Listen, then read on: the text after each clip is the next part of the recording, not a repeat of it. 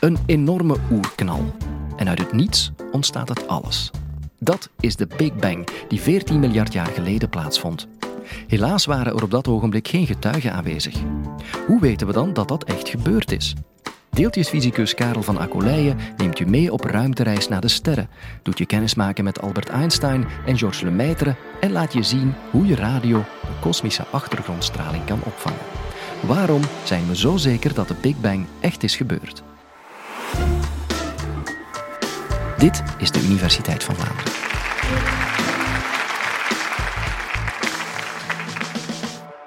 De Big Bang. Iedereen heeft daar al eens iets over gehoord. Een gigantische knal, de oerknal, 14 miljard jaar geleden. Ons universum begint op de meest spectaculaire manier. Maar hoe weten we dat dat is gebeurd? Ik bedoel, het is niet dat we erbij waren. En op het eerste zicht lijkt het wel absurd dat we iets kunnen vertellen over iets wat zo lang geleden is gebeurd. Misschien denkt u wel, goh ja, die Big Bang, interessant en zo, maar uiteindelijk is het maar een verhaal. Wel, dat is precies wat ik jullie vandaag wil vertellen, dat het niet zomaar een verhaal is. Nee, het is als het ware het verhaal, de ontstaansgeschiedenis van ons universum zoals het echt is gebeurd, gebaseerd op keiharde wetenschap. Ik ga jullie vier bewijzen voorleggen. Het eerste bewijs zal zijn dat ons universum vandaag aan het uitzetten is. Tweede bewijs Daarvoor gaan we naar de theorie gaan, de algemene relativiteitstheorie van Einstein. Het is die theorie die ons uiteindelijk, wanneer we terugrekenen in de tijd, bij die Big Bang zal brengen. Derde bewijs, dat zijn de eerste atomen die worden geproduceerd tijdens de Big Bang. We kunnen die vandaag tellen en wat we meten komt heel goed overeen met de voorspelling. Vierde bewijs, en dat is misschien nog het spectaculairste van allemaal, we kunnen die Big Bang gewoonweg zien in die kosmische achtergrondstraling. Oké, we vliegen er met een knal in. Ons eerste bewijs, de kosmische expansie, de uitzetting van ons universum. Belangrijk hierbij is dat je de schaal voor ogen hebt. Ons universum is gigantisch groot. Dat zie je hier op dat fantastisch beeld van de Sloan Digital Sky Survey. Een survey die ons universum ons nabije universum in kaart bracht. Je ziet daar donkere stukken, ja, daar konden de telescopen in kwestie niet naar kijken s'nachts, maar de stukken waar de telescopen wel zicht op hadden, wel, je ziet daar een beeld opgebouwd uit heel veel, zo'n 900.000-tal kleine puntjes. Elk van die puntjes is op zich een sterrenstelsel. Een sterrenstelsel als onze Melkweg, 50.000 lichtjaar groot, 100 miljard sterren, dat is daar een puntje.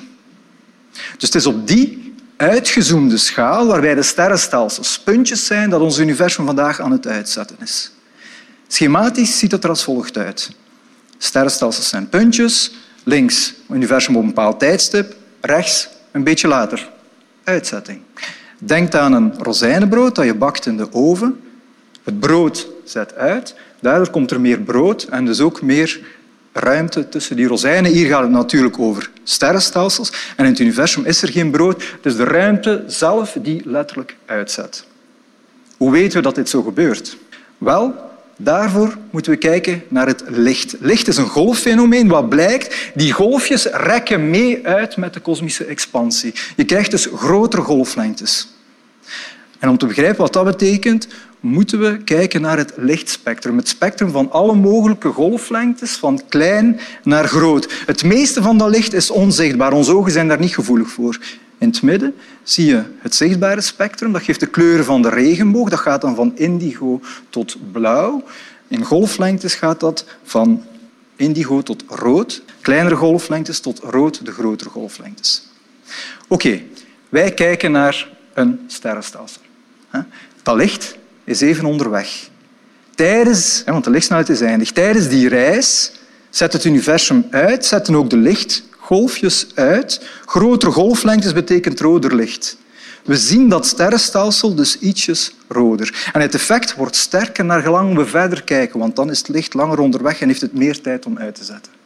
Dit is wat we noemen de kosmologische roodverschuiving. Wanneer je heel ver kijkt, sterrenstelsels die ver staan, zijn letterlijk rood geworden ons eerste bewijs. Die kosmische expansie die we zien in de kosmologische roodverschuiving. Nu, dat wordt pas echt een bewijs voor de Big Bang wanneer we er ook de theorie bij halen. De theorie is inderdaad de theorie, de algemene relativiteitstheorie, de meest fantastische fysische theorie die we vandaag hebben. En voor alle duidelijkheid, ik leg de formule hier niet uit, alhoewel het in essentie wel gaat over die ene vergelijking. Wat je moet weten over de algemene relativiteitstheorie is, is dat het onze theorie is van de zwaartekracht. Dus die theorie zegt ons waarom de appels van de boom vallen. Die theorie zegt ons hoe en waarom de planeten rond de zon draaien. Dezelfde theorie verklaart ons waarom de klokken aan boord van de GPS-satellieten net ietsje sneller tikken dan die op aarde. Uit dezelfde theorie volgde de voorspelling van de zwarte gaten, onlangs een foto van genomen. Dezelfde theorie voorspelde onze zwaartekrachtgolven, onlangs ontdekt. En het is dus ook dezelfde theorie die de evolutie van het universum beschrijft. Ik spreek hier over theorie. Het gaat over in de fysica over theorie en experiment. Het is net de wisselwerking tussen die twee die het zo boeiend maakt. Dat was niet anders bij de ontdekking van de Big Bang, eerste helft van vorige eeuw. En we gaan er snel door. Dat begint met Einstein, die in 1915 komt inderdaad met die algemene relativiteitstheorie. In 1917 past hij zijn theorie al toe op het universum op grote schaal. Nu, wanneer je dat doet, dan is er in feite maar één conclusie mogelijk. Je moet een dynamisch universum hebben. Een universum dat kan inkrimpen of, zoals in ons geval, uitzetten. Maar Einstein zit in zijn hoofd met een statisch universum. Een universum dat eeuwig en voor altijd hetzelfde blijft. Dat was op dat moment de heersende gedachte. En hij moet allerlei kunstgrepen uithalen om daar inderdaad een onbeweeglijk statisch universum uit te halen uit zijn theorie. Dat lukt hem, Later spreekt hij over zijn grootste blunder, want hij mist natuurlijk de ontdekking van zijn leven, een zuiver theoretische voorspelling van de expansie van het universum en daaruit volgend die Big Bang. Ironisch genoeg, datzelfde jaar, 1917, is er de eerste experimentele aanwijzing voor de expansie van het universum. Slipher, een sterrenkundige, richt zijn telescoop op verschillende sterrennevels. Hij stelt vast dat licht van die sterrennevels op dat moment noemen dat sterrennevels. Dat licht van die nevels is roder dan het licht uit onze Melkweg. Wat je daar ziet, is die kosmologische roodverschuiving. Dan een beetje later komt er Hubble. Hubble met een andere telescoop kan vaststellen dat die sterrennevels sterrenstelsels zijn en kan afstanden beginnen bepalen. Nog Hubble, nog Slipher hebben door dat hun waarnemingen iets te maken hebben met de kosmologische expansie. En Einstein die geloofde er niet in. Degene die dat de puzzelstukjes in elkaar legt, en daar mogen we een beetje trots op zijn, want het is een Belg, is Georges Lemaitre, geboren in Charleroi. De reactie van Einstein op Lemaitres bevinding is legendarisch. Hij zegt Lemaitre, vos calculs sont corrects, mais votre physique est abominable. Uw fysica trekt op niets, uw wiskunde misschien wel, maar uw fysica trekt dus op niets. Maar de fysica van Lemaitre trok wel degelijk op iets. Hij had gelijk, het universum zet inderdaad uit en Einstein zal dat dan ook later toegeven. Dan zet dezelfde Lemaitre de volgende stap. Hij zegt, oké, laten we nu de algemene relativiteitstheorie gebruiken om terug te rekenen in de tijd. Wanneer je voor een expanderend universum teruggaat in de tijd, we gaan nu achterstevoren in de tijd, wel, dan komt alles dichter en dichter bij elkaar.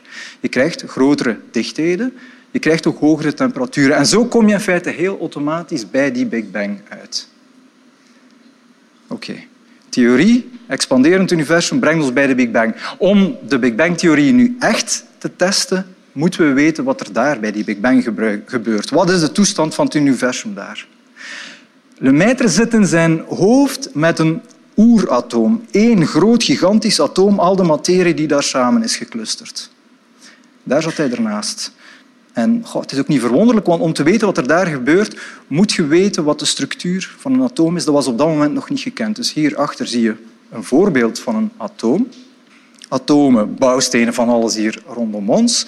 Die atomen zijn zelf nog een keer opgebouwd uit kleinere bouwsteentjes. Je hebt daar negatief geladen elektronen, de minnetjes, die draaien rond die positieve kern. In de kern hebben we twee types kerndeeltjes. We hebben de positief geladen protonen en daar ook nog, originele naam, neutrale neutronen. En nu zie je een schematische voorstelling van het universum één seconde na de start van de Big Bang. Wat je dus krijgt, is een soort kosmische oersoep, al die deeltjes kriskras door elkaar. Protonen, elektronen, neutronen. Je ziet daar ook golfjes. Licht. Heel veel licht. En het gaat over golfjes, lichtgolven met heel korte golflengte. En nu is het belangrijk van te weten, voor licht, hoe korter de golflengte, hoe hoger de energie. Dus het gaat hier over heel hoog energetische straling, zogenaamde gammastraling. We gaan nu terug vooruit in de tijd gaan. En wat er nu gebeurt, is een fantastisch samenspel tussen verschillende takken van de fysica. In essentie komt het hierop neer. We krijgen een competitie tussen enerzijds die straling. De straling wil de geladen deeltjes uit elkaar schieten. Anderzijds krijg je de krachten. De kernkracht, de kernkracht wil de neutronen en protonen samenbinden tot kernen, tot atoomkernen. Anderzijds hebben we de elektromagnetische kracht die de elektronen wil samenbrengen met die atoomkernen en binden tot atomen. Hier is duidelijk wie dat er aan het winnen is. De straling. De straling schiet alle deeltjes uit elkaar. Maar natuurlijk, die competitie gebeurt op een expanderend universum. En nu krijgen we net hetzelfde als wat we al hadden bij ons eerste bewijs, die kosmologische roodverschuiving. Met de expansie van het universum rekken de golflengtes uit. Grotere golflengtes betekent lagere energie. Die straling verliest energie en zal het dus uiteindelijk moeten afleggen. In eerste instantie, en dat zie je hier gebeuren, legt ze het af tegen de kernkracht. De kerndeeltjes, neutronen en protonen, zijn samengekomen tot die atoomkernen. Wat je daar ziet, dat zijn precies de eerste atoomkernen en later ook de eerste atomen waar ik het in mijn inleiding over had, die we kunnen tellen. Voor alle duidelijkheid, ik leg hier niet uit hoe we dat doen, maar we kunnen die tellen. Um, wel, alle verhoudingen in acht genomen, komen de metingen verbluffend goed overeen met de voorspellingen van die theorie. Het gaat hier over de eerste twintig minuten um, van ons universum, essentieel.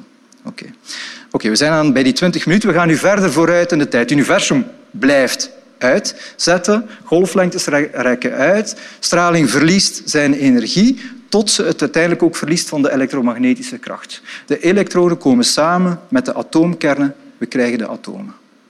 Dit is het einde van de Big Bang, 400.000 jaar na de start. Dus het is best wel een lange bang. Je ziet daar ook licht, de golfjes, dat is er natuurlijk nog altijd. Nu, voor licht zijn die neutrale atomen, wel, ze voelen die essentieel niet. Dus met andere woorden, dat universum wordt zo goed als doorzichtig. Dat licht begint te schijnen in het universum. Het is die straling, dat licht, dat we vandaag oppikken als de zogenaamde kosmische achtergrondstraling. Op dat moment daar gaat het nog over zichtbaar licht. Maar het universum is natuurlijk blijven uitzetten, die golflengtes zijn blijven uittrekken en dat zijn vandaag dan 14 miljard jaar later microgolven en radiogolven geworden. Inderdaad, hoort het woord radio. Wanneer dat je je radio tussen twee posten duwt, een heel klein stukje van die storing is veroorzaakt door die straling, door de Big Bang, met andere woorden. We hebben natuurlijk meer geavanceerde apparatuur en dat is het beeld dat je ziet fantastisch beeld van de Planck-satelliet. De kosmische achtergrondstraling gemeten in alle richtingen aan de hemel. Letterlijk een foto van de Big Bang. Dus hoe weten we dat de Big Bang is gebeurd? Wel, we hebben de uitzetting van ons universum. We hebben de theorie, de relativiteitstheorie die ons bij de Big Bang brengt. We hebben de eerste atomen geproduceerd tijdens de Big Bang. We hebben die kosmische achtergrondstraling die we kunnen zien. Wel, daarom weten we um, dat de Big Bang echt is gebeurd. Hebben we daarmee alles begrepen? Nee. Heb het ook niet gehad over die eerste seconde. Daar zijn in feite nog heel wat vragen over. Want dat zal voor een volgend college zijn. Ik dank jullie.